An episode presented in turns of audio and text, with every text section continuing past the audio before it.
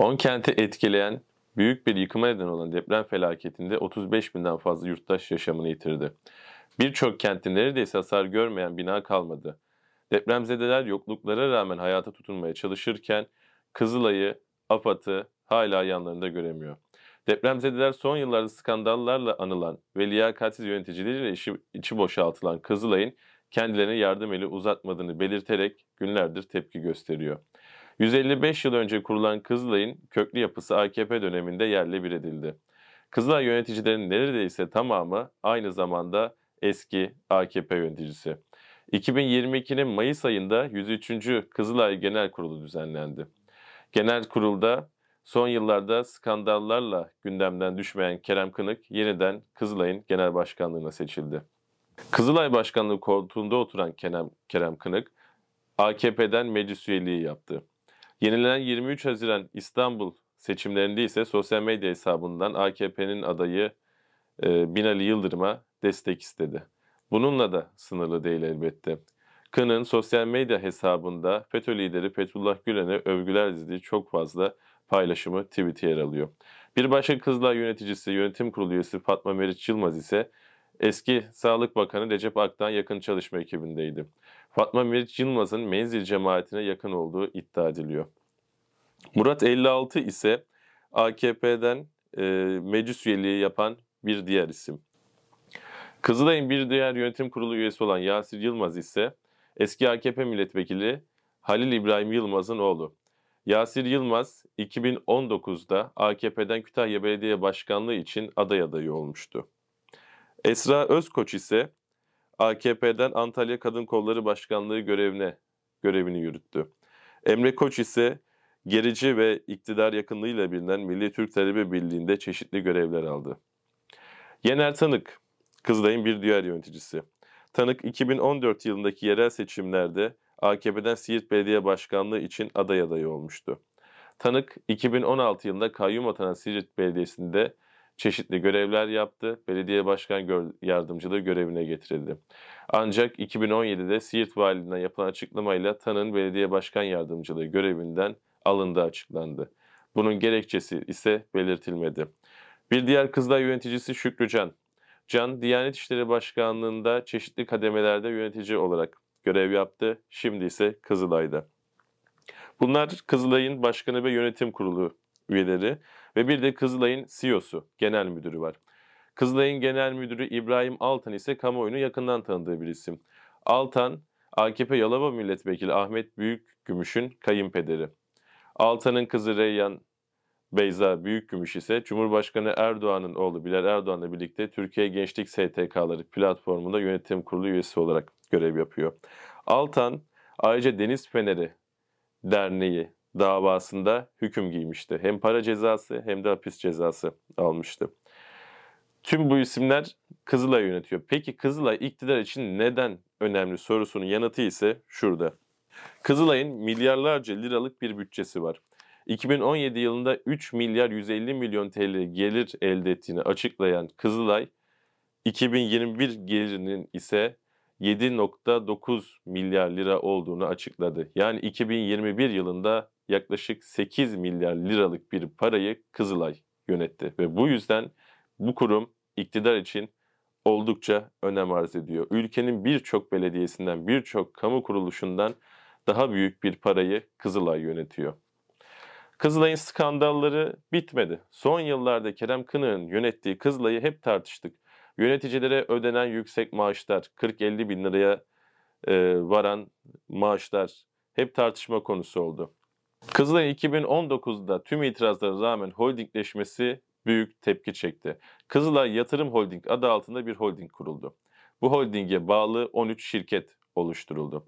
Ve bu şirketleri Kızılay'ın hastaneleri, fabrikaları, gayrimenkulleri devredildi. Yeni yöneticiler atandı. Ve bu yöneticilere de binlerce liralık ücretler ödendi. Örneğin Kızılay Hastanelerinin bağlandığı Kızılay Sağlık Şirketi'ne eski AKP milletvekili genel müdür yapıldı ve binlerce lira maaş ödeniyor.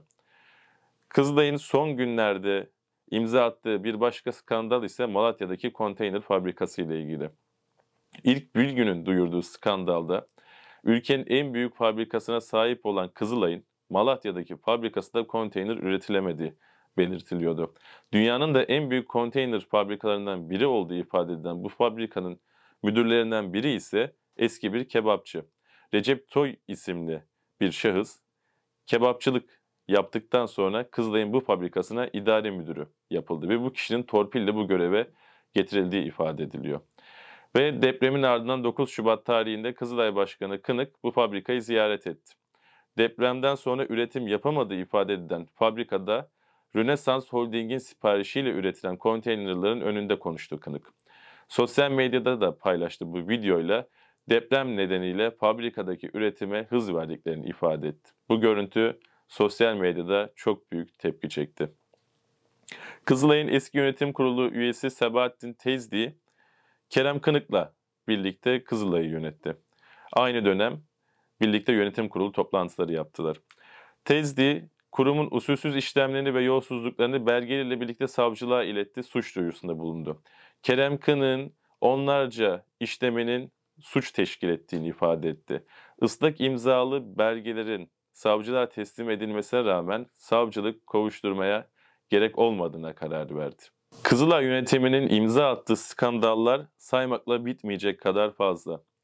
Özellikle son 4-5 yılda imza atılan skandalları, skandallara bakacak olursak şunları sıralayabiliriz. Kerem Kınık 2000 yılında İngiltere'de kurulan Yeryüzü Doktorları Derneği'nin Türkiye Başkanlığını yaptı. 2015 yılında buradaki görevini bıraktı ve Kızılay'da yöneticilik yapmaya başladı. 2016'da da Kızılay Başkanı oldu. Kınık, Kızılay Başkanı olduğu dönemde daha önce görev yaptığı yeryüzü doktorlarına 1 milyon 295 bin lira aktardı. Evet yanlış duymadınız. Yani Kızılay Başkanı Kerem Kınık eski derneğine Kızılay kasasından 1.2 milyon lira ödeme yaptı. Skandallar çok fazla. Başkent gaz skandalı hepimizin hafızasında. Başkent gaz, Kızılay üzerinden çocuklara cinsel istismar skandalıyla ülke gündemine oturan Gence Ensar Vakfı'na 7.9 milyon dolarlık bağış yaptı. Kızılay tabi bu skandalın üzerini örtmedi. Torunlar vergiden kaçındı dedi. Skandallar saymakla bitmeyecek kadar fazla. Kızılay Yemen'e insani yardım göndermek için bir havacılık şirketinden 245 bin dolara uçak kiraladı. Fakat bu uçak havalanamadı. Türkiye'den Yemen'e gidemedi. Uçakla uçağa insani yardım malzemeleri yüklendiği esnada uçuş izni alınamadığı belirtildi. Ve uçak havalanamadı, havalanamamasına rağmen havacılık şirketine binlerce lira ödendi. Kızılay ödediği parayı geri almak için şirkete dava açtı ama bu davayı da kaybetti ve 72 bin lira daha ödemek zorunda kaldı. Tabi bu tutarda mahkeme masrafları vekaletname ücretleri içinde. Kızılay İstanbul Bakırköy'de bir huzur evi kuruyor. Bunu da ilk bir gün duyurdu. Birkaç ay önce haberleştirdiğimiz Kızılay projesi şu şekilde. Kızılay'a yüksek miktarda bağış yapan bağışçılar ayrıcalıklı hizmet alacak bu huzur evinde. Ve huzur evinde talep edilen ücret en az 7 milyon ve e, en yüksek ise 10 milyon lira olduğu ifade ediliyor. Yani 7 milyonla 10 milyon lira arasında Kızılay'a para ödeyen ayrıcalıklı insanlar, iş insanları bu VIP huzur evinde hayatlarını sürdürecekler. İnsani yardım kuruluşu olan Kızılay'ın, depremzedelerin yanında olmayan Kızılay'ın VIP hizmet sunması da yine tartışmalar neden olmuştu. Deprem anında afetlerde halkın yardımına koşması gereken Kızılay, İstanbul'daki başkanlık binasını müsiyattan kiraladı. İstanbul'da yüzlerce gayrimenkulü binası olan Kızılay'ın neden müsiyattan bu binayı kiralandığı 4 yıldır açıklanmıyor. 2019 yılında bu binaya taşınan Kızılay burada da şöyle bir skandalı imza attı. Müsiyadın binasının hasarlı olduğunu belirten raporlar bulunuyor. Raporlarda zeminde çatlaklar olduğu, duvarlarda çatlaklar olduğu, zemininin, toprak yapısının sıkıntı yaratacağı ilk depremde bir felakete yol açabileceği belirtilmesine rağmen Kızılay göz göre göre felakete davetiye çıkarıyor ve bu binayı kullanmaya devam ediyor. Kızılay'ın raporlarında da oldukça ilginç bilgiler yer alıyor. Kızılay'ın 2021 yılı faaliyet raporunda bir afet planından bahsediliyor. Bu plana göre Kızılay ülkenin herhangi bir yerindeki afete 53 dakikada ulaşım sağlayacak.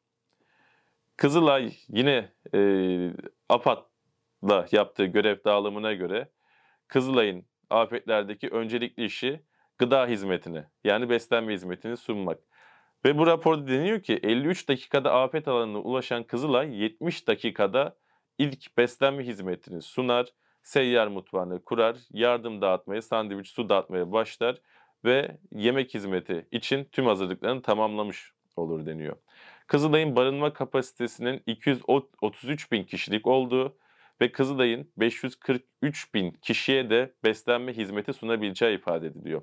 Peki bu depremde Kızılay yarım milyon insana beslenme hizmeti sunabildi mi? Afet bölgelerine 53 dakikada ulaşabildi mi?